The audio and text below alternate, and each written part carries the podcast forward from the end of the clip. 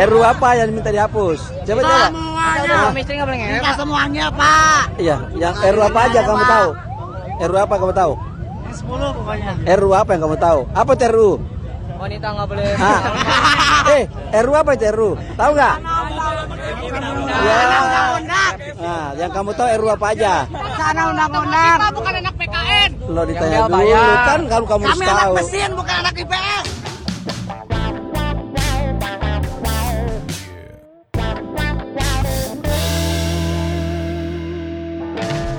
Oke, saatnya kita eh, ngobrol-ngobrol lagi nih di Om Kumis Podcast.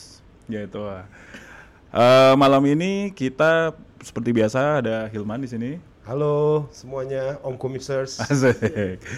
Cuman eh, sayangnya malam ini kita kehilangan satu teman kita, ya. Brian hari ini kebetulan eh, berhalangan untuk hadir. Iya. Tapi Brian titip salam nih buat semua Om Kumisers dan dia kangen sekali sama kalian. Dan semoga apa lagi. Cuman eh, apa namanya patah satu apa itu Tumbuh seribu. Sudah hari ini kita mendapatkan kehormatan lagi nih setelah episode sebelumnya kita ngobrol-ngobrol sama drummer band Oktan Tinggi Seringai Eddie Kemot. Malam ini kita bisa ngobrol-ngobrol dengan seorang tokoh lagi yaitu Enda Nasution. Selamat malam. Selamat malam. Halo, Om Kumisers. Penontonnya kumisan semua ya. Iya, moga-moga. Jenggotan juga apa. nah, buat yang lagi-lagi nih, buat yang mungkin belum tahu dan gua yakin nggak banyak yang nggak tahu nih ya, ya kan? Soalnya ini viral banget bapak ini kan, viral kan, dia kan? Ya nggak bi? Ah, siap. Eh, Enda ini terkenal nih sebagai seorang pengamat media sosial dan julukan yang eh, ini juga Bapak Blogger Indonesia, koordinator gerakan hashtag bijak bersosmed, dan tambah lagi jabatannya banyak nih. Terakhir ini koordinator Jabar Saber Hoax. Nah, gitu. Itu sebenarnya semua sama. Oh enggak ya? Sama teman. Ujung-ujungnya hoax. Oh, enggak. dibuat, dibuat panjang. di mata. gitu. Nah, gimana man? Apa yang kita mau ngobrol nih sama Enda nih malam ini? Nah, ini kan kita sedang dalam suasana meluasnya aksi-aksi protes Hmm, di Jakarta itu sampai beberapa orang udah merasa sampai terintimidasi. ya, ya. Beberapa kantor dipulangin cepet bahkan. Iya, kemarin SCBD di lockdown tuh, ditutup tuh SCBD kan. Iya, nggak salah. Nah, sekarang udah banyak tadi teman-teman gue banyak yang dipulangin cepet gitu karena kekhawatiran apa eh, imbas Iya. dari unjuk rasa gitu. Dan mereka bukan langsung pulang tuh pasti malah ke mana dulu kan. Kantor yang bego itu. Malah jangan-jangan sebagian malah jadi ikutan demo.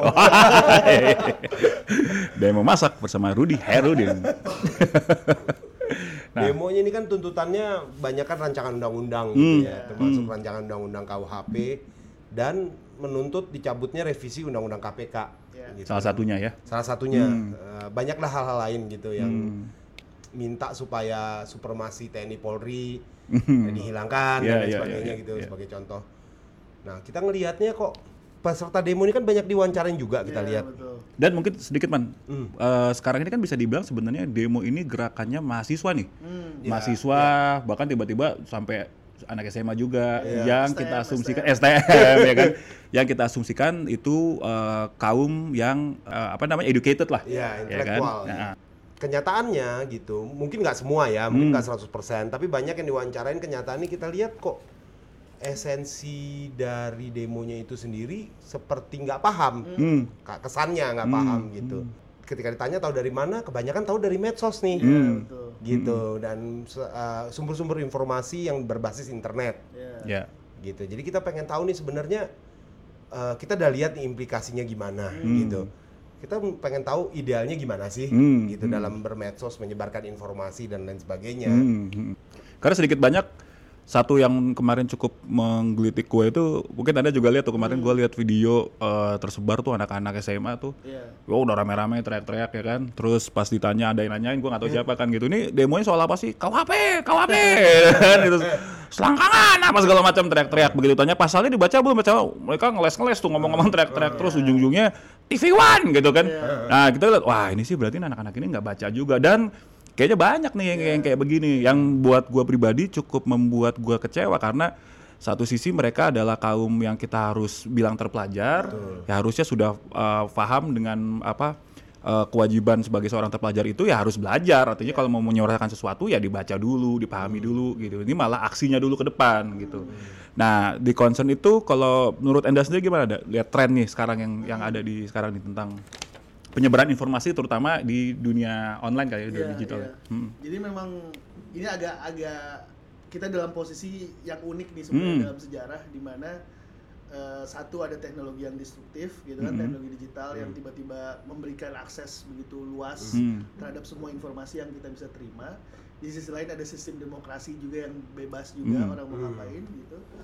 Lalu kemudian itu ketemu di jalan dengan sistem yang sifatnya kontestasi gitu ya Hmm. sehingga menimbulkan riuh rendah dan gaduh juga pada saat pilpres kemarin Hmm. tapi memang akhirnya yang agak ironis sebenarnya dengan Hmm. akses informasi yang begitu luas terbuka ternyata pengetahuan orang nggak nambah Betul. gitu kan Betul. padahal kan sebenarnya tinggal dibaca gitu Betul. ya. nah ada beberapa sih analisa yang kita bisa coba kira-kira Hmm. gitu ya. Saya sih kemarin sempet ada di interview radio juga terutama soal anak STM ini Hmm. kalau anak mahasiswa oke lah dia kita anggap aja anak dewasa Iya. udah boleh mengambil keputusan sendiri Iya. gitu. Tapi kalau anak SMA ini sebenarnya gimana sih kalau ikut demo gitu ya? Hmm. Terus eh, kemarin saya sempat bilang bahwa ada beberapa faktor lah yang Hmm. kenapa kemudian sampai mereka turun ke jalan. Hmm. Kan ini nggak berdiri sendiri ya peristiwanya. Ada rentetan peristiwa, ada kekecewaan yang Betul. terjadi, entah itu langsung dirasa atau ada seseorang yang merasa dia solidaritas terhadap Hmm. seseorang itu. Ada peer pressure di situ, teman-temannya pada jalan demo. Hmm. Kita ayo ikut rame-rame aja, kita bisa bakar-bakaran, kita bisa lempar-lemparan kan seru aja Eh. kan. gue juga dulu sebagai anak SMA, anak mahasiswa gitu, kalau dia ngajak untuk uh, rusuh gitu kayaknya senang gitu kan. Di sisi lain tapi kemudian peristiwa yang tidak berdiri sendiri ini lalu kemudian peer pressure itu ditambah juga dengan uh, keriuh rendahan. Nah, ada dua faktor sebenarnya media sosial ini. Hmm. Satu, informasinya terdistorsi, banyak Hmm. disinformasi yang beredar di situ. Hmm. Kedua, sebenarnya juga mengglorifikasi mereka ya. Ya, ya. Jadi seolah-olah jadi pahlawan kan Setuju, setuju. melawan Oke. polisi, ada anak SM yang merebut water cannon kemarin orang-orang pada viral dan Hmm. jadi sorak gitu. Iya, Wah, iya. lihat nih berani ngelawan polisi, ada polisi di lari kemudian mereka Dikejar-kejar gitu ya. Dikejar-kejar mereka. Wah, berani lu lawan polisi sekarang. Mana nih segala macam. Nah, jadi nah makanya kalau ditanya lagi terus solusinya gimana, gue juga bingung karena Hmm. gue nggak yakin bahwa misalnya pembatasan akses itu jadi jadi masalah, Oke. apa jadi Solusi. jadi solusi. Hmm. Tapi kemudian eh, kalau nggak dibatasi juga akhirnya di, di beberapa tempat itu jadi punya efek yang ini ya, jadi efek yang jelek gitu. Ya. Jadi sebenarnya balik lagi ke ke soal isu itu memang lucunya mungkin kalau kita mau bicara soal ironis tadi ya bahwa kebebasan informasi yang kita nikmati sekarang ini justru sebenarnya agak mengkhawatirkan karena justru nggak nambah Hmm. orang jadi tambah pinter, Hmm. tapi malah efek distorsinya jadi lebih banyak. Iya, Betul. Karena kemarin gua ngobrol juga nih sama temen gua ndak ini agak lucu juga. Temen gue ini termasuk ini juga lah apa penggiat eh, di dunia digital juga. Hmm.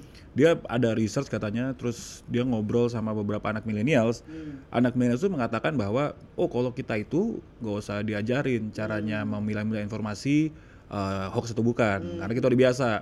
Cuman generasi-generasi kita kita ini yang disalahin nih malah generasi X apa segala macam termasuk orang tua kita baby boomers ini katanya mesti diajarin apa segala macam tapi kalau gua pribadi mungkin gua nggak tahu benar apa salah tidak. Kalau gue pribadi sih melihat ternyata sekarang sih penyebaran informasi hoax dan lain sebagainya itu sebenarnya kena sama siapa aja. Iya. termasuk mana mereka sendiri. Iya. dan buat gue pribadi itu sebenarnya lebih mengecewakan. Karena kalau kita kita yang udah mengalami gitu ya. Ah, ah, gitu. Keterbatasan kita ada. Mereka kan uh, privilege-nya untuk itu kan lebih besar dari kita kok tetap masih masih kayak kita juga kejeblosnya gitu loh nah itu gimana tuh rasanya sih apa namanya dari ketika udah mulai masuk ke dunia media sosial ini ya Hmm.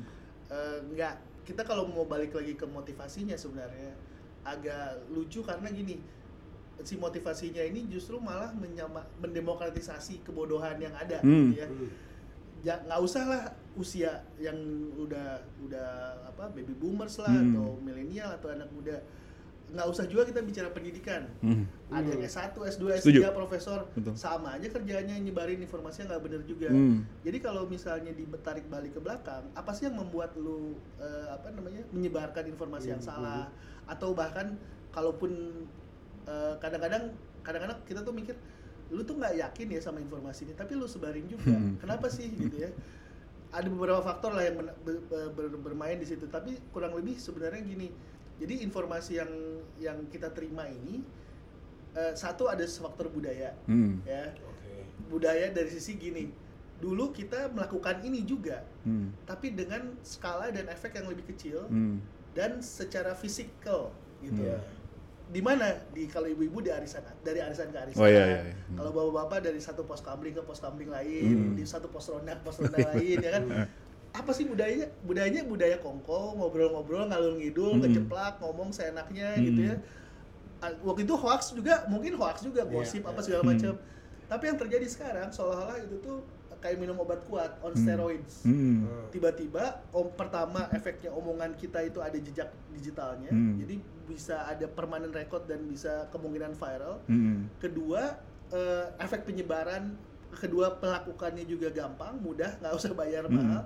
Ketiga penyebarannya jauh lebih cepat Hmm. gitu jadi faktor budaya dulu kita yang saling memperhatikan satu sama lain ikatan komunitas yang kuat sekarang tiba-tiba tertransfer ke dunia digital Hmm. gitu itu yang yang pertama yang kedua ada faktor eh, motivasi politik tadi Hmm. apa yang terjadi perang opini Ya. jadi masing-masing pihak berusaha berperang secara opini memenangkan dirinya dengan cara kalau nggak bisa meninggikan opini yang dia buat argumentasinya dia dia melakukan dengan cara menyerang orang lain Hmm. dan pada saat kita melakukan serangan ke orang lain itu kita tidak peduli apakah informasinya benar atau tidak Hmm. yang pasti kita mau menjatuhkan dulu mau mendiskreditkan dulu nah Hmm. mungkin secara umum gitu ya yang terjadi sekarang ini kan kalau jadinya bi- ngomongin politik lah ya Hmm, sedikit. nggak apa-apa. ada ada serangan terhadap ada kekecewaan terhadap DPR terutama dan Hmm. Jokowi Eh, masyarakat merasa kecolongan ada Hmm. RU eh, KPK ada RU KUHP dan ada RU lain-lain yang Hmm. di masa sedikit periode DPR ini tiba-tiba berusaha diloloskan Hmm. gitu kan dan tidak ada seolah-olah kok kita nggak bisa ngapa-ngapain ya Iya, gitu, iya. nyetopnya Bener ini tuh. Sehingga sampai harus turun ke jalan gitu ya Hmm.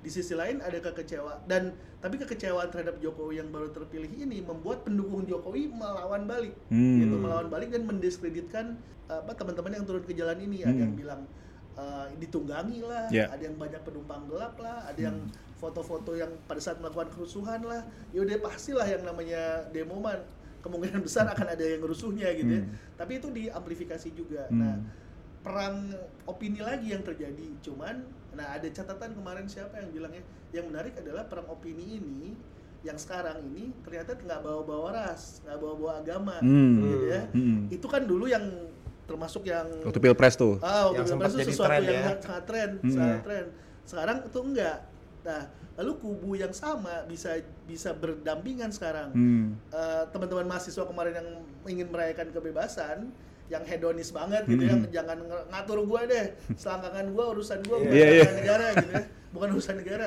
harus berdampingan dengan 212 nih yang Hmm. sangat yang sangat religius Iya, gitu ya iya.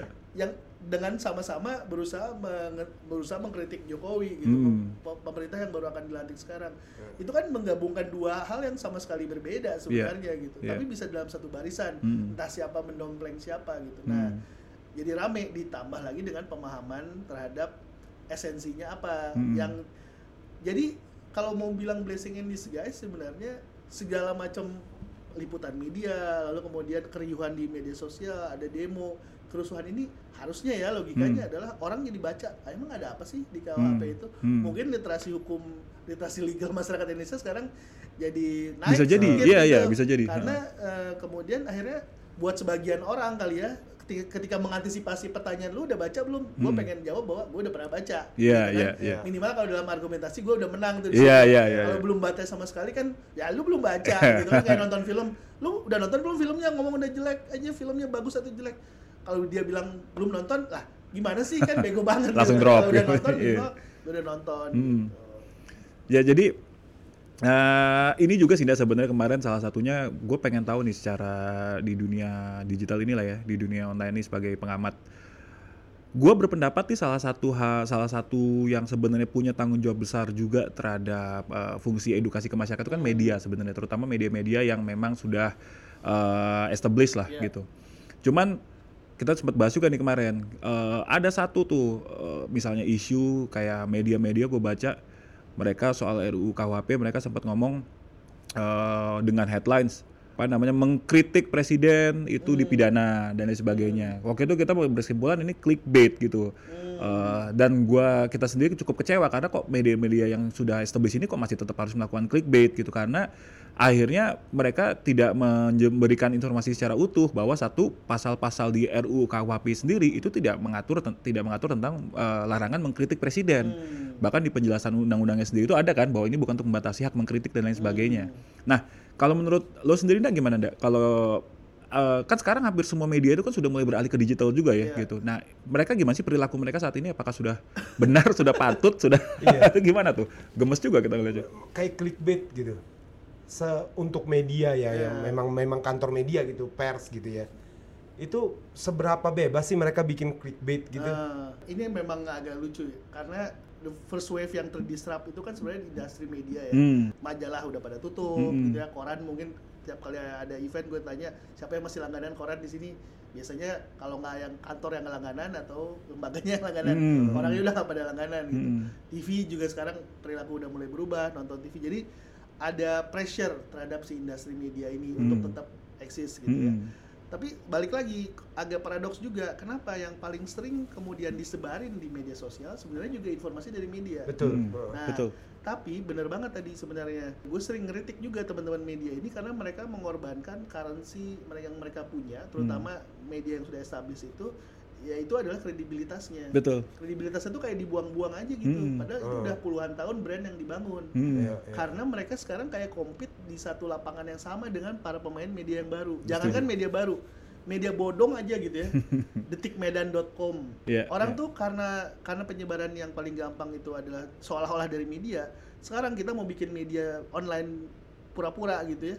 Itu gampang banget. Ada Hmm. template-nya udah gampang, tinggal website apa domain kita tinggal beli gitu. Hmm. Tiba-tiba kita seolah-olah punya media dan itu sudah bisa nyebar gitu. Hmm. Jadi memang di satu sisi buat teman-teman media juga ada pressure karena semua dihitung dari traffic yang mereka terima. Hmm. Di sisi lain eh, lalu kemudian mereka seolah-olah kayak turun kelas harus bersaing dengan para pembuat dan saingan mereka bukan media hanya media saja. Mereka sekarang bersaing di level competing untuk attention kita Iya, iya. dan attention kita ini sekarang terbagi-bagi bukan hanya terhadap informasi saja hiburan Mm-mm. ya kan setiap saat Iya. kita juga nonton YouTube Mm. baca buku mungkin di Kindle atau segala macam Mm. atau dengerin podcast misalnya Iya, gitu ya. iya, iya. jadi kan jadi kan mereka tuh gila nih gua harus bersaing dengan segala macam Ah. bentuk informasi dan pengetahuan dan hiburan yang sama apa yang harus gue lakukan Untuk stay relevan gitu nah, ya. Akhirnya apa? Yaitu framing lah muncul Hmm, gitu ya. Kadang-kadang bikin headline yang sensasional Hmm, gitu, oke. bikin headline yang ya nggak mendidik ujungnya nggak punya tanggung betul. jawab tapi di sisi lain nggak ada konsekuensinya juga buat mereka Oh. jarang kan kita lihat ya ada konsekuensi terhadap media yang kurang ajar lah katakanlah Hmm, gitu ya hmm. apa karena juga kecuali yang memang fabrikasi sama sekali ya bisa dituntut tentunya ya Hmm. atau minimal hak jawab ya Iya, kan? iya. hak jawab atau nanti diaduin ke Dewan Pers atau ke kalau TV ke Komisi Penyiaran Hmm, gitu kan hmm. tapi sementara ini kan mereka scotch free aja nggak ada nggak ada konsekuensi terhadap apa yang mereka lakukan dan sambil mereka lihat bahwa eh kalau gue bikin judul kayak gini traffic gue naik nih Hmm. ah bikin lagi ah gitu dan Hmm. akhirnya akhirnya ini jadi kita kayak spiraling menuju eh, satu kondisi di mana nggak ada yang bilang eh stop deh jangan kayak gini gitu ya Hmm. masyarakatnya juga nggak bilang kayak gitu Hmm. medianya juga nggak bilang Iya, kayak iya. gitu Hmm. pemerintahnya juga sama aja ngikut nyebarin informasi yang kadang-kadang nggak akurat juga gitu Hmm. jadi memang agak mengkhawatirkan sih ini Mengkhawatirkan memang ya. Soalnya pemerintah juga takut mungkin deh. Kayak sekarang begitu misalnya pemerintah ngomong nih, wah ini media jangan begini, terus langsung wah ini mengekang kebebasan Ya. berekspresi, dihantem lagi ya Betul, kan. Dan bahkan malah dipercaya jadi kebenaran. Kalau dibantah, malah Hmm. orang pikir oh berarti betul. Maka dibantah gitu. Kadang-kadang so- media sosial ini kan reverse psychology kan. Yes. Malah oh berarti berita ini mengkhawatirkan buat pemerintah. Hmm. Mengkhawatirkannya mungkin dari sisi pemerintah ya jangan sampai masyarakat kita dididik ke arah yang salah mungkin. Hmm. Tapi buat yang mendengar sebagian, oh berarti takut menyerang kedudukan kamu nih, Hmm. gitu Iya. pemerintah, takut menyerang kedudukan pemerintah. Hmm. Jadi malah dipercaya, malah jadi beritanya itu yang jadi jadi pusat perhatian Iya, lebih dibandingin berita yang lain Betul. gitu. Jadi, jadi idealnya apa nih, Dek? Kalau menurut sebagai pelaku, apakah butuh ada regulasi yang spesifik tentang ini dari pemerintah atau seperti apa sebenarnya ini mestinya idealnya? Nah, mungkin ada ada long term, ada short term strategi ya Hmm. harusnya ya sebenarnya. Jadi pertama sebenarnya menurut gue sih pihak-pihak yang punya kredibilitas harus mempertahankan kredibilitasnya gitu. Hmm. For, any cost lah. Hmm. Eh, Oke lah gue jadi nggak laku, traffic gue turun. Tapi orang tahu bahwa apa yang kalau gue ngomong itu gue nggak akan bohong, gue nggak akan mengorbankan kredibilitas gue untuk hal-hal yang sifatnya sementara Hmm. gitu ya. Nah ada beberapa media menurut gue yang masih melakukan itu lah for any cost gue tetap bilang A adalah A gitu. Hmm. Nah itu yang harus dijagain sebenarnya. Hmm. Dan gue rasa masyarakat juga lihat kok gitu ya bahwa ini bukan media partisan nih, dia Hmm. akan selalu mempertahankan kredibilitasnya itu. Hmm. Nah itu yang menurut gua eh, salah satu yang eh, sebenarnya itu eh, posisi yang pemerintah juga bisa lakukan. Hmm. Pemerintah juga kan sekarang masalahnya suka manis-manisin sesuatu yang enggak Yang nggak manis. gitu ya. Eh, dimanis-manisin lah, Hmm. diapain supaya untuk nunjukin. Nah balik lagi ke sistem demokrasi ya. Hmm. Orang belum jadi aja udah diomongin. Hmm. Karena kan dia tetap harus ada yang diomongin. Iya, iya, terus iya. kemudian uh, belum ada prestasi udah diomongin gitu. Hmm. Nah, sistem demokrasi yang membuat kita harus melakukan banyak pencitraan dan lebih banyak ngomong daripada kerjaannya ini membuat akhirnya itu juga punya pengaruh gitu. Hmm. Nah, jadi memang harus ada yang harus ada beberapa pihak yang punya standpoint yang kuat untuk oke kita tetap akan begini gitu Hmm.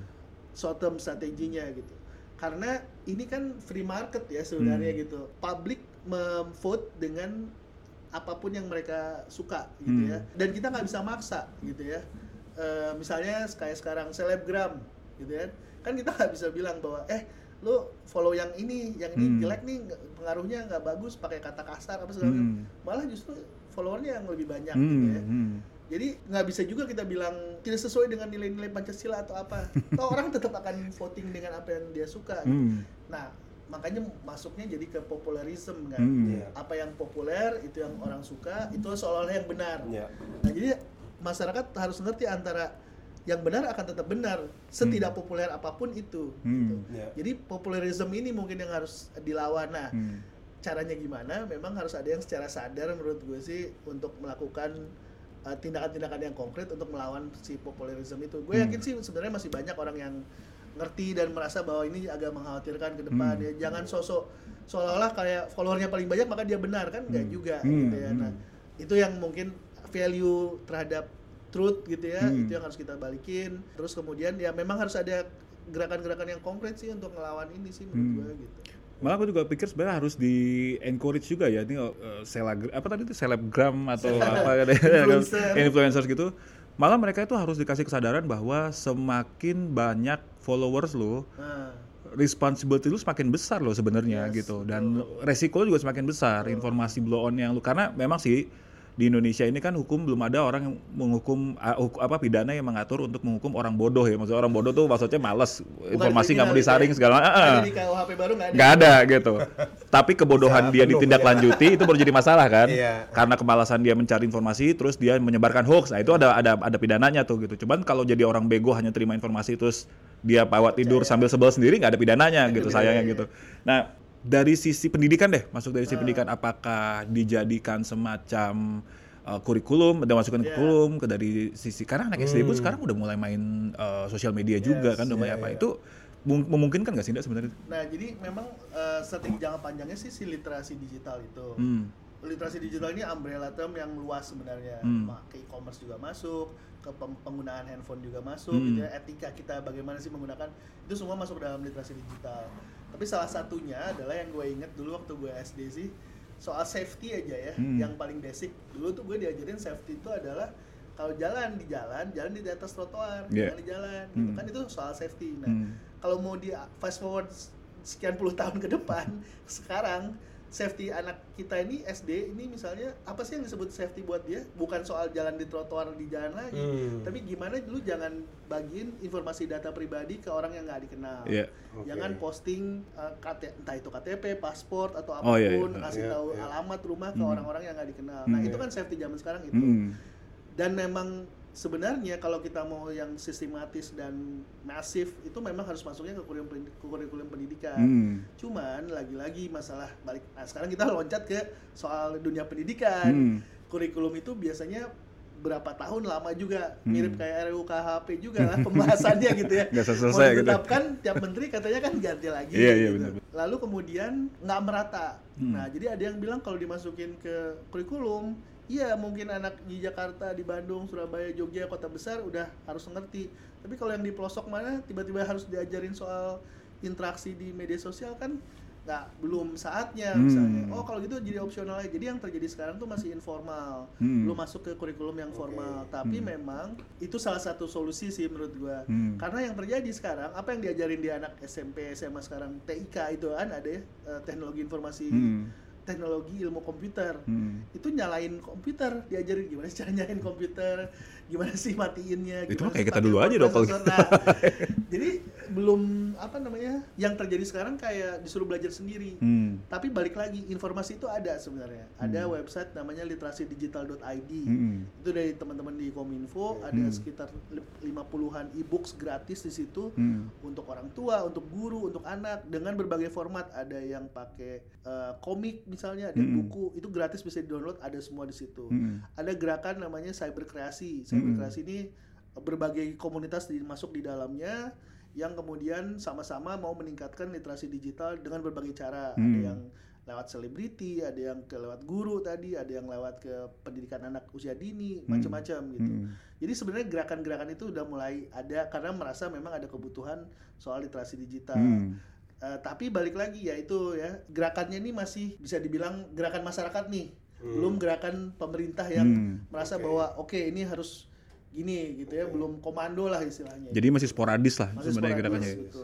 Hmm. Nah, mengenai misinformasi tadi, nah yang kayak kita, yang tadi kayak lo bahas mengenai apa pendidikan, bagaimana sih cara pakai sosial media yang baik, bagaimana menyaring apa panduan, bagaimana menyaring informasi dan lain sebagainya. Itu kan idealnya nih kan semua orang ketika dia memasuki dunia eh, maya gitu ya, dunia sosial media, dia kan harusnya mengetahui nih tentang apa sih, bagaimana sih caranya memfilter informasi dan lain sebagainya. Kembali kita ke masalah misinformasi ya, kayak kayak di RUU KUHP ini menurutku cukup menarik misinformasinya, karena kalau kita ngelihat ke pilpres atau masa-masa politik kemarin itu terlihat cukup mudah tuh ini dari sisi mana dari sisi mana gitu atau dari sisi apatis. Iya. semua salah aja ada juga gitu. Jadi si sisi A nggak akan melihat referensi yang disukai sisi B sisi B nggak kan uh, melihat referensi sukai sisi A gitu sebaliknya tapi RUU KUHP ini menarik karena ada seperti dibikin infografis ya dibikin uh, apa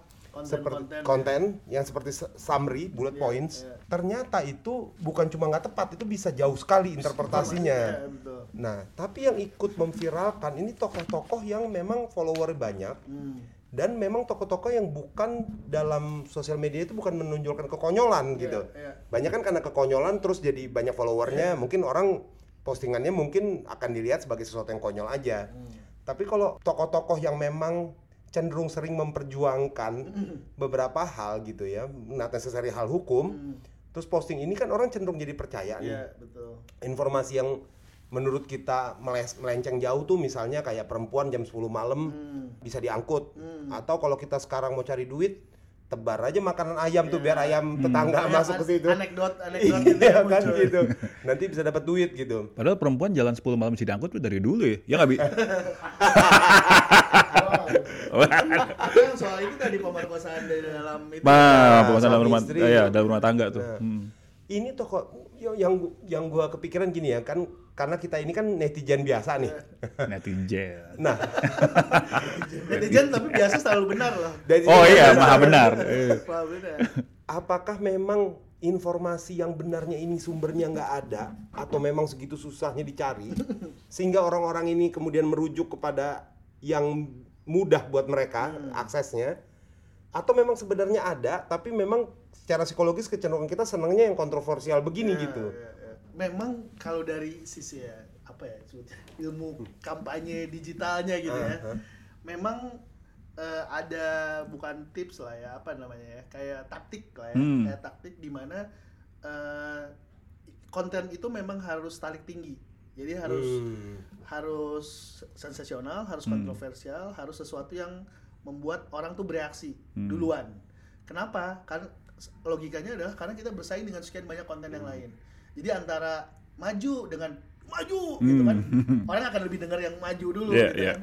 Nah, sa- sebenarnya dengan logika yang sama sehingga memang eh, para pembuat konten ini, nah sa- dengan dengan apa ya namanya, sambil juga kita harus cermati motivasi di belakangnya gitu ya, tak mau mendiskreditkan siapa atau mau ngebelain siapa, tapi memang si konten-konten ini tuh didesain dan dibuat untuk menimbulkan reaksi pada si penerimanya, Oke, oke. entah itu marah, entah itu takut. Jadi memang ada emotional target yang di Oh, oke. didesain Hmm. untuk orang bereaksi terhadap konten-konten tersebut tanpa kita sadari. Itulah ilmu pembuat hoax sebenarnya. di situ. Eh, sengaja atau tidak ya, kadang-kadang memang ada yang rekaman video aja atau rekaman video tapi diberi narasi Iya, gitu ya. iya.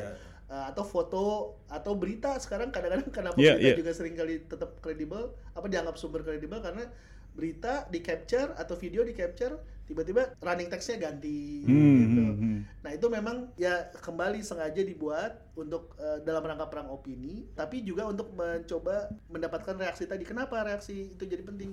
Karena dengan reaksi itu artinya kita akan ikut me- menyebarkan lagi. Hmm. Oke. Begitu kita dapat, kita ikut menyebar. Nah efek itu yang disebut efek viral sebenarnya. Hmm. Kita dapat, eh apa nih? Wah, gini. kita sebarin lagi.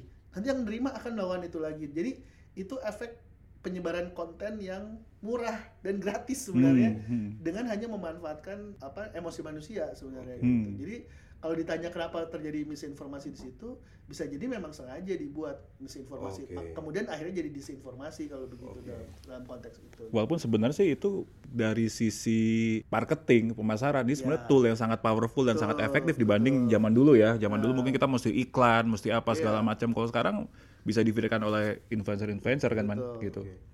Berarti idealnya kalau untuk kebijakan pemerintah ya kan uh, RUU itu kan kebijakan sebetulnya. Hmm. Kebijakan pemerintah nih idealnya pemerintahnya duluan bikin infografis model versinya Nah. mereka, terus dicoba diviralkan dengan caranya. Karena banyak juga kan netizen memang follow akun-akun resmi pemerintah, nih, lembaga betul. pemerintah.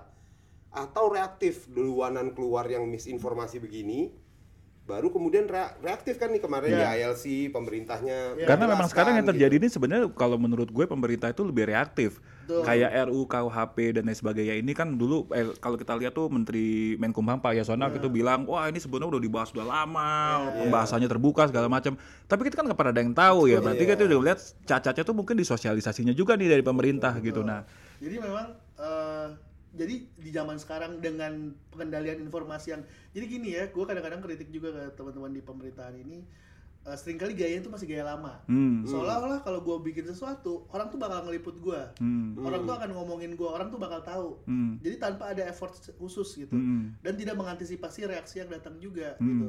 Jadi memang di zaman sekarang ini siapa pun itu bukan hanya substansinya harus benar, Hmm. tapi juga opini masyarakat atau penda- eh, support dari masyarakat itu harus di harus Iya, diraih gitu. Hmm. Nggak bisa dengan secara tiba-tiba kita bilang otomatis orang bakal dukung nggak gitu juga Betul. gitu ya. Jadi memang paradigmanya harus paradigma segala sesuatu itu tetap harus dijagain hmm. Betul. situasinya supaya tetap kondusif gitu. Hmm. Bahkan yang positif aja kayak Asian Games gitu kan tetap didukung dengan Iya. ada kampanye juga agar Iya, iya. masyarakat Indonesia mendukung gitu. Iya. Padahal nggak ada yang bilang ih jelek, misalnya ini pemborosan kan nggak ada juga yang Hmm, bilang iya, gitu ya. iya. Eh, tapi tetap dijagain apalagi dengan kebijakan yang sekarang Iya. mungkin ada pro dan kontra tanpa ada effort khusus untuk ngejagain isunya ini menjelaskan dengan cara yang baik eh, dan efektif Iya. dan termasuk juga kalau di dunia komunikasi kan segmented ya Hmm. Iya, iya. ngomong ke ahli hukum ya beda dong dengan ke anak Hmm, STM betul. beda ke beda ke anak mahasiswa gitu Iya. jadi eh, stakeholder eh, masyarakat ini juga nggak bisa dibilang oke masyarakat Indonesia satu kelompok gitu kan enggak Hmm. pemahaman juga beda-beda jadi memang ke depan wah mungkin kalau lesson learn dari Hmm. ini semua ya menurut gue sih salah satunya adalah apa pun kebijakan yang baru baru akan eh, akan dilahirkan atau akan di, akan dikeluarin selama itu te- dalam dunia demokrasi tentunya kita tetap butuh dukungan dari publik dan dari stakeholder maka harus tetap ada PR untuk mengkomunikasikannya dengan cara yang efektif dan impactful gitu ya. Hmm. Per gue pernah ada inilah nggak usah salah satu isu yang biasanya juga pro dan kontra kenaikan harga BBM Iya. Hmm, betul. kenaikan harga BBM pro dan kontra gini gini gini gue pernah lihat satu materi komunikasi dari satu dari waktu itu dari kementerian eh, bukan kementerian dari sekretariat wakil presiden bagus materinya berusaha menjelaskan bahwa lu tuh kalau menolak lu tuh salah subsidi kita tuh kalau tidak Hmm. dinaikkan itu salah subsidi ke masyarakat menengah yang sebenarnya tidak perlu disubsidi kan Hmm. kalau isunya waktu itu kan gitu Iya. lebih baik kita subsidinya secara langsung Hmm. kan waktu itu Iya. ada pembagian uh, entah itu dana secara langsung atau Si untuk BLT ya dulu obat-obatan namanya. atau apa Hmm. gitu ya tapi ini salah subsidi Hmm. kan dari framing atau message-nya aja udah salah ya Hmm. antara kena ini kebijakan menaikkan harga BBM atau kita bilang ini masalah realokasi subsidi Betul. misalnya kan Iya. orang pasti efeknya udah beda Betul. gitu kan Hmm. itu yang pertama jadi messaging aja perlu di perlu di crafting Iya, gitu iya. perlu Hmm. dikemas yang kedua soal dari si materi formatnya sendiri Hmm. jadi yang gua terima dulu penjelasannya bagus bentuknya komik harusnya Hmm. komunikatif lah ya Hmm. untuk anak Iya. sekarang terus apa bentuknya dulu ini belum zaman WhatsApp zaman sekarang PDF Hmm. dulu gue bilang ini kalau mau campaign di Twitter di Facebook kan gue nggak bisa share materi PDF kan Hmm. kalau image gue bisa gitu Hmm. jadi lu kasih ke gue PDF kayak gini gimana cara gue nyebarinnya Hmm. kalau sekarang mungkin bisa menyebar di WhatsApp grup WhatsApp Iya. masih nerima PDF Hmm. ya Hmm. walaupun gue nggak yakin berapa sih orang yang buka Baca. PDF dan download terus buka gitu Males. tapi kalau kenapa nggak image sih gitu ya Hmm. kan sekarang paling gampang tuh nyebarin image atau video lah gitu Betul. minimal walaupun downloadnya agak PR kalau nggak punya pulsa cuman kan minimal bisa Hmm. orang bisa lihat dan bisa emosional kalau Hmm. video gitu Iya. nah jadi hal-hal kecil kayak gitu itu udah nggak bisa di seolah-olah dikesampingkan untuk pembuat kebijakan tapi udah harus mulai jadi center stage nih Hmm. Betul. karena ke- apa gunanya bikin kebijakan yang nggak didukung sama Betul. masyarakat Betul, gitu betul. nggak didukung oleh Iya. konstituen gitu Hmm. kita harus dimenangin itu Betul. gitu Toh akhirnya harus dijelaskan juga. nah gitu ya. dijelasin juga gitu. Nah, Ndak, ini kan selain tadi title-title yang panjang gitu, lo kan juga sebagai seorang eh, apa ya partner atau apa di di, di Oh, Suparna Suparna. ID bersama juga ada teman kita juga nih Abi anak Bandung juga anak anak nakal Bandung nah Ndak kan tadi kita bicara soal eh, effort dari pemerintah nih Eh. kalau dari lu pengalaman lu juga mungkin selama ini eh, kan pemahaman gua kan juga ada sebagai konsultan digital Iya, juga ya betul. Eh, mulai banyak gak sih insti- institusi-institusi pemerintah yang eh, mencoba menggunakan jasa Suparna ID gitu misalnya untuk untuk jadi kan itu kita bisa lihat berarti kesadaran mereka ke arah sana Iya. mulai tinggi nih gitu atau mulai ada gitu. Ya. Mulai ada sih dan harusnya sih mulai banyak ya maksudnya gini kan sebenarnya sudut pandangnya adalah soal managing gitu ya Hmm. managing ekspektasi managing eh, persepsi Yeah. gitu ya ketika ada gap di situ antara gue pengen persepsinya A eh kok orang persepsinya B ya? Terimanya beda. gitu ya. berarti ada ada gap yang salah nih Hmm. entah itu komunikasinya entah itu apanya atau nggak nyampe atau gimana Hmm. nah eh, ke kita sendiri memang kita coba bantu ya beberapa campaign Hmm. maupun ngejagain lah reputasi atau isu-isu yang sedang berkembang gitu tapi kurang lebih sih memang kesadaran itu mulai muncul Hmm. nah cuman eh, sebenarnya kalau misalnya boleh gue kasih masukan sih sebenarnya jangan ditunggu sampai udah Hmm. krisis Udah masalah dulu. Iya, iya. kita kan bukan cuman bu- bukan sih bukan merefer ke kebakaran hutan Betul. jangan hutannya kan percikan apinya tuh kecil-kecil dulu gitu Iya, iya, iya. terus dibiarin dibiarin eh tentu jadi kebakaran hutan Baru- ribut orang di iya. Hmm. beberapa negara gitu kan jangan sampai malah balik mundur jangan sampai muncul percikan api jangan sampai si eh, lahannya tuh kering menurut Hmm. gua jadi tetap harus dijagain gitu yang Hmm. namanya komunikasi tuh nggak cuman sekali kan balik lagi ke social capital ya Iya. Hmm, Kalau- betul betul. uh, will apa goodwill kita nggak Hmm. pernah ada nggak pernah dibangun orang nggak pernah ngerasa dibantu ya gimana orang mau ngebelain kita dan Betul. kalau kita ngebelain diri sendiri habis-habisan dan nggak ada teman yang bantuin. Ya sama aja kayak zaman dulu keroyokan gitu kan kayaknya sendiri nggak ada yang bantu. Ada temen ya gimana? Ini Iya. kan dunia sosial gitu sekarang. Hubungannya nggak nggak ini bukan rocket science kok gitu ya. Sosial lo- logikanya logika logika sosial aja. Betul. kalau gua butuh bantuan ah gue lagi ada masalah ya orang bantuin gue ketika orang tahu gue orang baik gitu kan. Hmm, ada teman-teman yang deket sama gue yang tahu permasalahan gue sama di media sosial juga kayak gitu sebenarnya. Sebenarnya sama kayak ini juga sama juga kayak jasa lawyer Nda kan? Kita juga Ah, ngeliat nih ya kadang-kadang iya. orang baru datang ke lawyer pas udah dipanggil polisi udah terima gugatan. Iya. harusnya sebelum mereka ngapa-ngapain nanya dulu konsultasi sama lawyer dulu gitu. Cuma orang Indonesia kan kalau gue lihat salah satu masalah itu masih tetap melihat segala sesuatunya itu bukan future value tapi Iya. present value. Karena aduh ngeluarin duit segini sekarang padahal nggak ada masalah ngapain? Iya, bener. begitu ada masalah ternyata duitnya lebih gede lagi keluarnya gitu kan kadang-kadang itu nyebelin juga emang Idealnya memang pemerintah harusnya rutin aktif di sosial media ya. Jadi kan kita perhatiin ada beberapa memang account pemerintah kayak TNI AU tuh. Itu banyak yang follow tuh. Oh, iya, Karena yang dia apa cukup namanya, aktif iya, iya, ya. iya. Dia dan cukup dia komunikatif juga. komunikatif gitu. Jadi orang oh follow nih kayak ada informasi baru dari Iya. sini. Nah, begitu juga kan kalau untuk undang-undang ya peraturan, Nah. Iya, kalau ada betul. itu aktif, orang udah keburu follow, satu informasi masuk, Betul. masuk juga dari sisi pemerintahnya. Hmm. Terlepas bahwa mungkin dia nanti kemudian lebih suka yang Ya. yang kontranya. Terus silakan tapi dengan silakan. welcome. Iya. Iya, iya, Tapi iya. paling nggak orang udah keburu kecantol dulu nih sama pemerintahnya. Ini kan kita satu sisi mah mau bener lah kayak kita bilang mahasiswa demo, pelajar demo kok nggak baca gitu. Hmm. Nyatanya kita yang mau baca ini nggak semudah itu juga kok Ya, nyari bahan nyari, bacaan. ya, betul. Soalnya begitu kita udah mesti mulai nyari, nyari, nyari, nyari ya Iya, kayak berat ya. gitu, Cuman iya. kalau udah di depan mata, iya. iya sih. Gitu. Kalau- Tapi gue lihat ada beberapa ya kayak eh, di Kementerian Keuangan, gue lihat udah mulai agak ya Bu Sri Mulyani sendiri lumayan Iya. itu kan di. Memang ada beberapa beberapa case apa dan tim-tim yang bagus ya sebenarnya. Kementerian Keuangan tuh salah satunya. Hmm. Kar- karena ada tokoh Sri Mulyaninya, tapi timnya juga mendukung dan memang ada perhatian terhadap komunikasi digital. iya. Dan itu sebenarnya di bawahnya kan ada sekitar eselon 12 atau 11 eselon 1 termasuk di dalamnya pajak dan juga imigra eh bea cukai. Bea cukai, ya. Nah, yang interaksi dengan masyarakat langsungnya juga tinggi sebenarnya. Hmm. Karena itu masalah yang kita Bener, sehari-hari. Sehari-hari. Ada yang di belakang tuh kayak badan kebijakan finansial apa Iya. eh, BKF. eh sorry badan ke- Kebijakan fiskal. kebijakan fiskal. itu kan nggak orang juga nggak ngerti apa gitu ya jadi kalau kita sih sebenarnya di sini ada pemikiran gini apa yang sedang terjadi ini semuanya sebenarnya adalah soal transformasi digital Hmm. ya eh, dunia ini sedang mengalami perubahan karena disrupsi teknologi digital yang Yeah. luar biasa besar Hmm. disrupsinya tuh nggak sekaligus dan nggak sama. Setiap industri tuh terdisrupt satu gelombang demi gelombang. Iya. Eh, media duluan, manufacturing mungkin belakangan, dan mungkin le- levelnya beda. Legal juga mungkin akan Pasti, terdisrupt juga, pasti. gitu ya. Pemerintahan juga terdisrupt, politik juga terdisrupt gitu ya dengan kehadiran teknologi digital ini. Ya. Lalu kemudian karena ada banyak level itu, kita akan mulai dari mana? Mulai aja dari komunikasi digital gitu. Pemerintah harusnya punya framework untuk mereka bisa mengukur diri mereka sendiri. Gua harus ada, gua harus aktif atau gua kayak BKF tadi gua mungkin uh, audiensnya nggak sebesar itu. Gua apakah gua pajak, apakah gua BKF? Misalnya sebagai analogi gitu ya.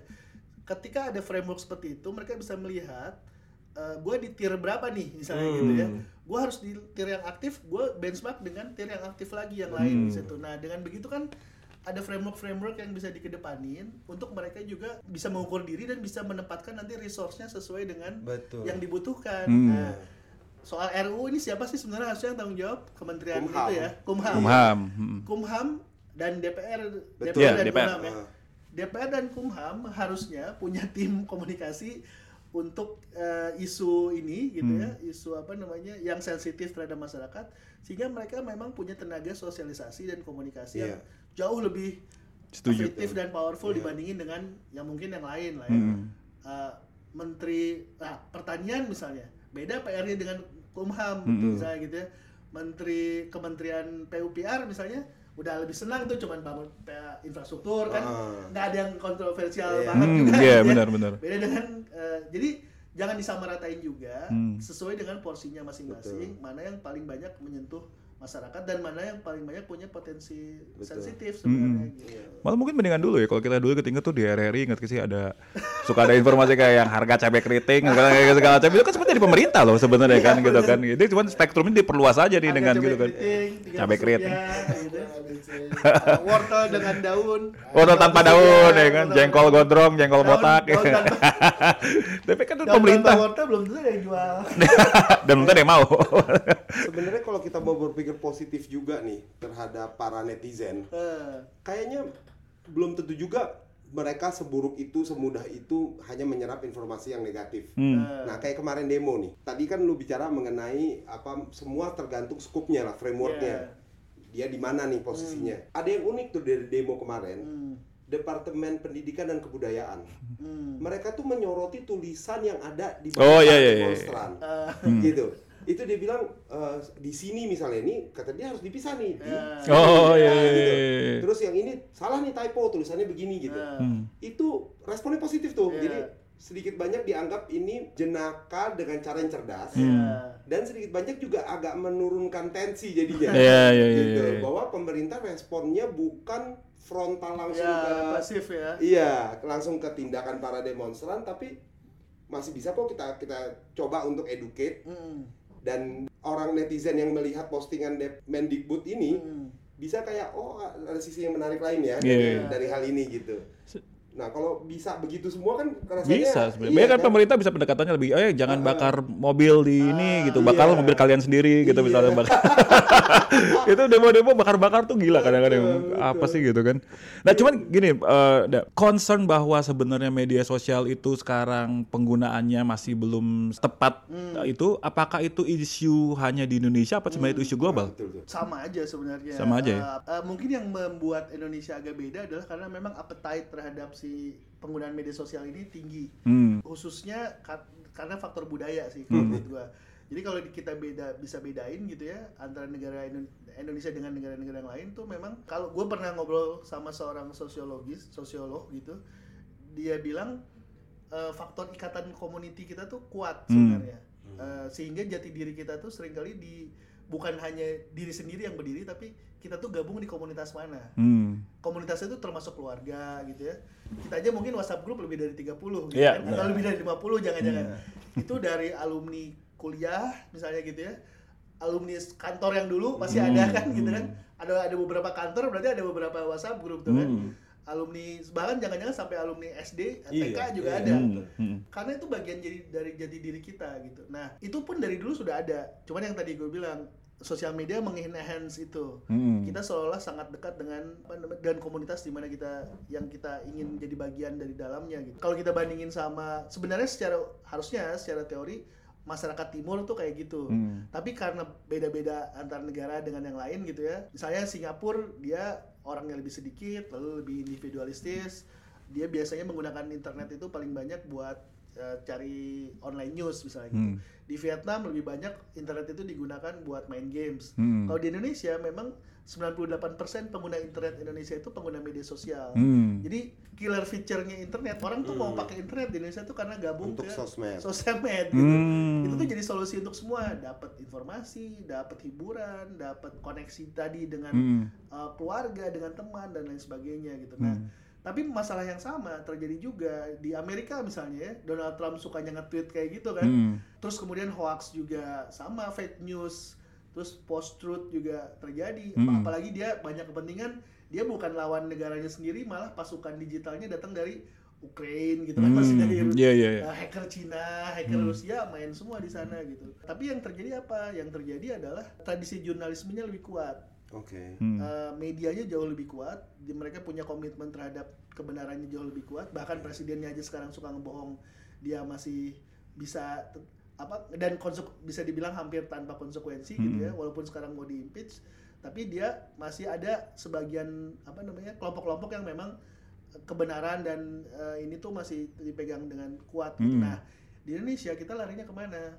Kita larinya ke agama sebenarnya dengan kekeotikan yang begitu luas dan kita nggak tahu mau percaya lagi sama siapa pemerintah nggak bisa percaya eh, media juga nggak bisa percaya akhirnya kita percaya sama siapa sama ustadz kan Yeah. sama kiai kan Or- dan itu kepercayaan itu takluk kepercayaan yang sepenuhnya Betul. Eh, karena kalau nggak gitu capek di kitanya kan Iya. gue sendiri bisa melihat betapa nikmatnya kita udah deh ngikut sama si Hmm, kiai nggak ini usah aja. mikir lagi Nggak usah mikir ya. lagi Hmm. aduh nikmat banget keyakinan itu tuh 100% nikmat gitu cuman akan ngebalik ketika untung-untungan kita ngikut sama orang yang Yang benar, gitu iya. tiba-tiba kita ngikut sama orang yang salah itu yang kemudian akhirnya menjadi eh, apa namanya ya udah kita ikut salah di situ Hmm, gitu nah hmm.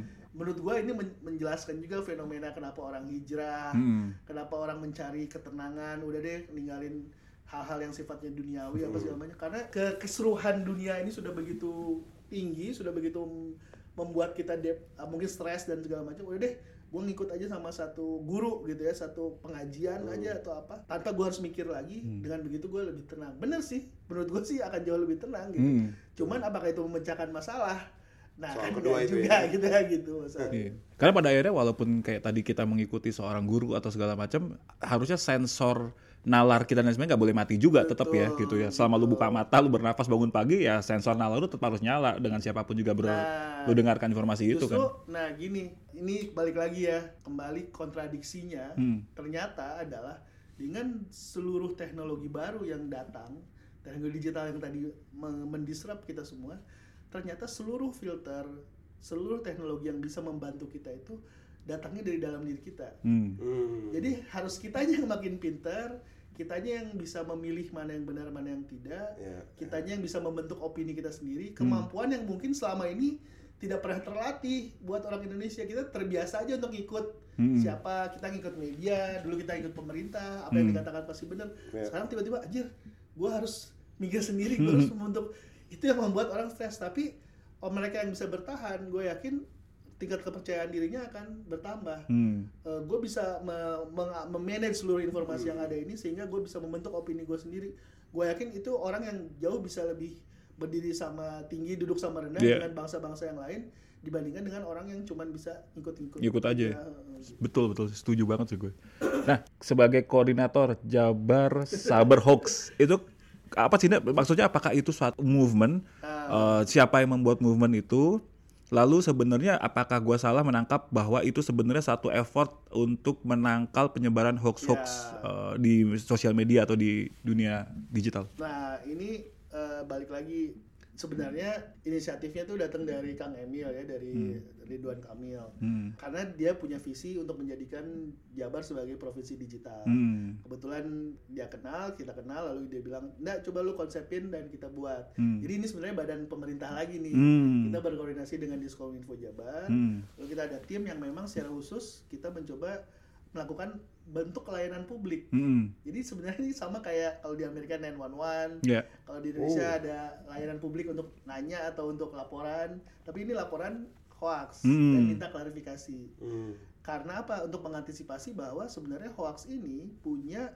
potensi untuk mendisrupt atau bukan mendisrupt menggang, mendistract, mengganggu program pemerintah. Hmm. Jadi program pemerintah udah bagus-bagus, hoaxnya banyak, malah jadi kacau nggak Hmm. jalan gitu. Nah, jadi kita udah mulai dari Desember tahun lalu, udah mau setahun sekarang, kita jalan dengan berbagai pengalaman dan lesson learned karena di tingkat provinsi ini kita tim yang pertama, Hmm. belum ada provinsi lain di Indonesia yang melakukan inovasi ini. Nah di tingkat pusat sebenarnya ada kayak semacam uh, tim yang melakukan laporan hoax setiap hari, Hmm. tapi tidak secara khusus mendeklarasikan dirinya sebagai sebuah tim anti hoax atau Hmm. tim yang mengklarifikasi hoax gitu. Tapi sebenarnya gue pikir ke depan ini mungkin memang bukan di level pemerintah pusat posisinya, Hmm. tapi entah itu di provinsi atau di kota kabupaten. Hmm. Karena banyak informasi-informasi yang sifatnya lokal yang kita butuh butuh klarifikasi Yeah. gitu ya. Yang sering kita terima itu sebenarnya lebih banyak di eh, kecelakaan lalu lintas. Yeah. Terjadi nggak di sini atau Hmm. semacam bencana alam itu Hmm. juga banyak terjadi atau sifatnya yang eh, lokal. Jadi misalnya ada eh, banyak tuh yang kayak pengobatan apa misalnya gitu Hmm. kan. Eh, stroke bisa disembuhkan dengan apa? Hmm. Kadang-kadang motifnya ekonomi jualan, kadang-kadang ada politik juga sebenarnya banyak gitu. Jadi bisa jadi memang masing-masing provinsi ke depan harus punya tim anti hoax sendiri-sendiri untuk menghandle informasi yang ada gitu Hmm. apa mengklarifikasi informasi yang ada yang memang khusus melakukan itu media melakukannya juga tapi kan media juga ada faktor jualan ada faktor harus memberikan berita yang lain Hmm. kalau ini memang didanai di oleh situ. dana pajak masyarakat untuk memberikan layanan Hmm. mengklarifikasi hoax yang beredar balik lagi untuk mengurangi kebingungan atau bukan hanya kebingungan ya stress level masyarakatnya bisa berkurang lah at Hmm. least dia dapat informasi yang ada satu sumber yang masih bisa dia percaya Betul. gitu. Dan pernah ada ini nggak ada? Setelah ini berarti udah setahun ya dari eh dari Hampir Desember setahun, hampir setahun ya. Desember. Sempat ada penelitian nggak setelah berdi, di movement ini dilai di gerakan ini apakah ada tip penurunan yang cukup signifikan dari curang? Apa ada cara untuk menghitung itu atau gimana gitu? Nah itu memang masih jadi PR Hmm. kita. eh, bagaimana cara ngukur performance-nya gitu Hmm. ya. Kalau dari sisi layanan publik sih kita kayak customer service sebenarnya. Lu eh, happy nggak dengan layanan Hmm. Oh, yang berikan? Tapi kalau dari sisi penurunan hoaxnya justru malah eh, balik sebenarnya sama kayak KPK tuh. Hmm. Sukses nggak nih? Kok KPK nggak sukses? Korupsinya tetap aja masih banyak Hmm. gitu ya. Kemarin kan dibalas, eh DPR RI juga nggak sukses. Eh, apa namanya? Undang-undang masih Hmm. banyak juga yang belum diundangin. Nah, sebenarnya tingkat hoaxnya ini mengikuti isu yang berkembang. Hmm. Oke. Jadi waktu pilpres kemarin naik, Hmm. kemudian Nah ini lagi musim kerusuhan naik lagi, Hmm. sehingga sebenarnya tidak menyelesaikan masalah kalau dari sisi jumlah hoaxnya. Hmm. Tapi sebenarnya yang harus diukur adalah tingkat literasi digital masyarakat. Betul. Oke, oke. Kalau misalnya dia meningkat Betul. sehingga hoax ini jadi nggak laku, Hmm. pada satu saat kesuksesannya adalah dengan cara membubarkan tim ini. Ah, Sehingga sudah iya. tidak perlu lagi tim ini, masyarakat kita Sudah bisa memfilter sendiri. Sudah bisa memfilter Iya. sendiri. Hmm. Hoax sudah nggak dipercaya lagi, nah, baru kita benar-benar sukses deh pada saat Betul. itu. Tidak dibutuhkan lagi tim ini. gitu. Tapi memang pada akhirnya setelah gue lihat ini eh, menangkal hoax itu bisa pakai sistem apa pun juga Hmm. ya. Tapi nggak bisa dilupakan itu tetap kuncinya masyarakatnya jangan males. Ya kan kan benar kan masyarakat tetap harus proaktif kan, melakukan pengecekan apa segala macam. Masyarakat kita kan selama ini masih modalnya minta disuapin aja informasinya, jadi gampang tuh dilempar informasi yang jelek-jelek. Iya. Kalau mereka usaha sendiri, kayak tadi mungkin dia ngecek langsung ke sabar hoax tadi Iya. untuk memastikan gitu. Tapi kan dibutuhkan effort untuk itu gitu. Hmm. Ya udahlah daripada effort lu selama ini lu pakai buat nyebarin hoax ya lu lakukanlah untuk itu kan. Jadi kontak lah. Yang beruntung sekarang berarti provinsi Jabar ya. DKI belum nih ya, DKI belum ya. DKI belum sih, gue belum lihat ada anti hoaxnya sendiri. Ya mungkin perlu dikontak nih sama Pak. Spiritnya berarti itu ya literasi digital. Literasi ya. digital. digital tapi ternyata nyambung ya dengan uh, sistem demokrasi juga menurut gua Iya. Indonesia akan jadi makin kuat Hmm. ketika orang-orangnya juga literasi digital dan literasi informasi literasi hukumnya juga meningkat sehingga nggak gampang dipengaruhi terus kita Iya. juga lebih bisa milih wakil kita yang yang memang pinter dan mau ngebelain kita Betul. mau milih pemimpin juga orang yang memang kita tahu bukan hanya pencitraan tapi juga memang mau solve problem kita Betul. gitu kan jadi ujung-ujungnya memang harusnya sih informasi ini jadi berkah makin banyak informasi Betul. kan dulu tuh gini nah ini salah satu boleh nambahin ya Boleh loh. Eh, satu analog bukan analogi lah ya apa namanya komparasi kali ya yang yang selalu selalu kadang-kadang suka gua kutip gitu selalu tapi kadang-kadang gimana sih? Nah, mungkin teman-teman eh, atau pendengar nih para om Om komisar Komisars. ini, Om Komisars. eh, nggak tahu saya nggak tahu udah tahu atau belum, tapi eh, sejarah ngasih kita pelajaran bagaimana dulu Hitler Adolf Hitler Hmm, itu ya. terpilih secara demokratis. Hmm. Terpilih secara demokratis. Jadi artinya ada informasi yang kurang dalam waktu itu digali tentang Adolf Hitler, Hmm. bagaimana pemikiran dia tentang ap- bagaimana menyelesaikan permasalahan bangsa Jerman pada saat itu sehingga dia akhirnya bisa terpilih sebagai kanselir Jerman Hmm. dan punya kekuatan yang akhirnya memang kekuatannya dia rancang ya Hmm. artinya dia pura-pura ada musuh lah apa segala macam eh, buku dibakar eh, media di ban dan lain sebagainya tapi dia rise to the power itu karena demok- eh, sistem demokratis Hmm. nah sekarang kita juga masuk eh, kita juga hidup dalam sistem demokratis yang sama. Hmm. ini bahaya nih sebenarnya fragile ya. Kalau orang mau yang secure secure aja udah deh diktatoriat aja Hmm. tapi benevolent dictator gitu yang baik gitu kan cari diktatornya. Dengan alam demokratis kayak gini siapa pun bisa terpilih Betul. gitu ya.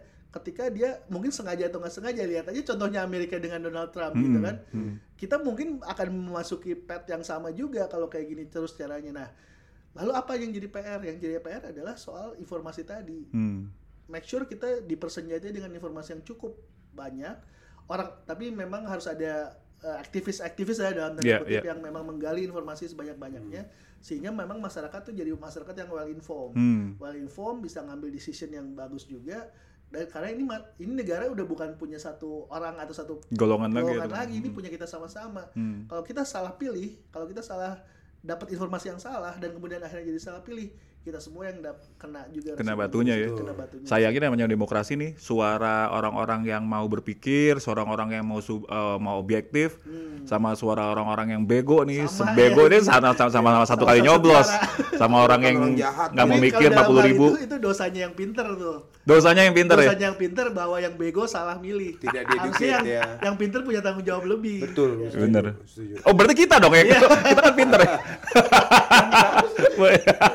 berkumis yang punya Oh, tanggung jawab lebih Dalam literasi digital ini juga gitu berarti ya. Influencer tuh punya tanggung jawab Punya lebih tanggung kan? Iya, ya benar benar. Dan karenanya buat netizen nih secara umum, Hmm. kalau udah mulai ada neti- eh, influencer kemudian memberikan informasi yang nggak tepat, catat tuh satu tuh, udah kartu kuning sekali deh. Hmm. Iya. Jadi ya besok-besok kalau dia menyebarkan informasi ya dilihat-lihat lagi juga dulu. Iya, itu jangan yang ah siap itu aja dipikirin kan. Pakai lah ininya influence-nya untuk menyebarkan hal yang benar kan gitu kan. Tapi ada satu yang menarik sebelum ditutup ada terms baru yang sekarang gue baca nih kalau di di media sosial di mana segala macam kalau ada orang berdebat nih di komen kom- kolom komen di media sosial online, eh sorry apa ber- pemberitaan online, Ah. kalau dulu kan yang ah goblok lo gini gini gini ah bego lo tolol segala macam. Sekarang kata-kata yang dipakai tahu kalau apa? Ah dasar kamu orang miskin literasi digital. Oh. Iya kan? Artinya wah berarti kesadaran itu udah ada nih gitu. Tenaga Iya, apa iya, semangatnya udah ada. Tinggal tenaga aja diarahin ke situ aja gitu kan. ya moga-moga lah dengan mendengarkan ini at least kita dari eh, apa namanya Om Kumisers dulu nih bisa mendapatkan pencerahan-pencerahan untuk lebih ini lagi. Jadi kalau besok-besok mau diajakin demo jangan peer pressure. Minimal dengerin dulu dengerin dulu dengerin Om Kumis dulu habis itu baru bo- boleh demo. Ya kan? Bakar-bakar rumah sendiri ya kan? Bakar-bakar sampah boleh. bakar-bakar sampah kan positif gitu kan Oke, eh, Enda, thank you banget Sama-sama, atas thank you, diskusinya. Tuh, moga-moga besok-besok kalau misalnya, gua rasa nih isu digital ini atau di masalah online ini masalah yang nggak pernah mati. Ya, jadi mungkin besok-besok kita bisa ngobrol-ngobrol lagi kalau ada ide-ide yang eh, apa isu-isu yang menarik lagi gitu kan. Eh, dan menutup dengan terima kasih buat Om Komisar semuanya sudah mendengarkan anjing jadi resmi-resmi gini. Pesannya tetap waspada Tetap waspada. ya, terhadap berita-berita Iya. online. Jadi eh, Jangan goblok lah pokoknya. nah, percaya dulu. Jangan, iya, jangan idiot lah lu. Apa namanya? Nggak ada hukum ya Ah. yang menghukum orang Orang bodoh. Yang Orang bodoh. bodoh, iya. Tapi ada dosa nggak tuh kalau orang bodoh tuh dosa nggak? ya? Wah, kita mesti tanya sama si guru-guru hijrah tadi. Kalau soal dosa. Aduh, oke. Selamat eh, hari Kamis. Eh, besoknya udah Jumat dan have a good weekend soon. Bye. Bye.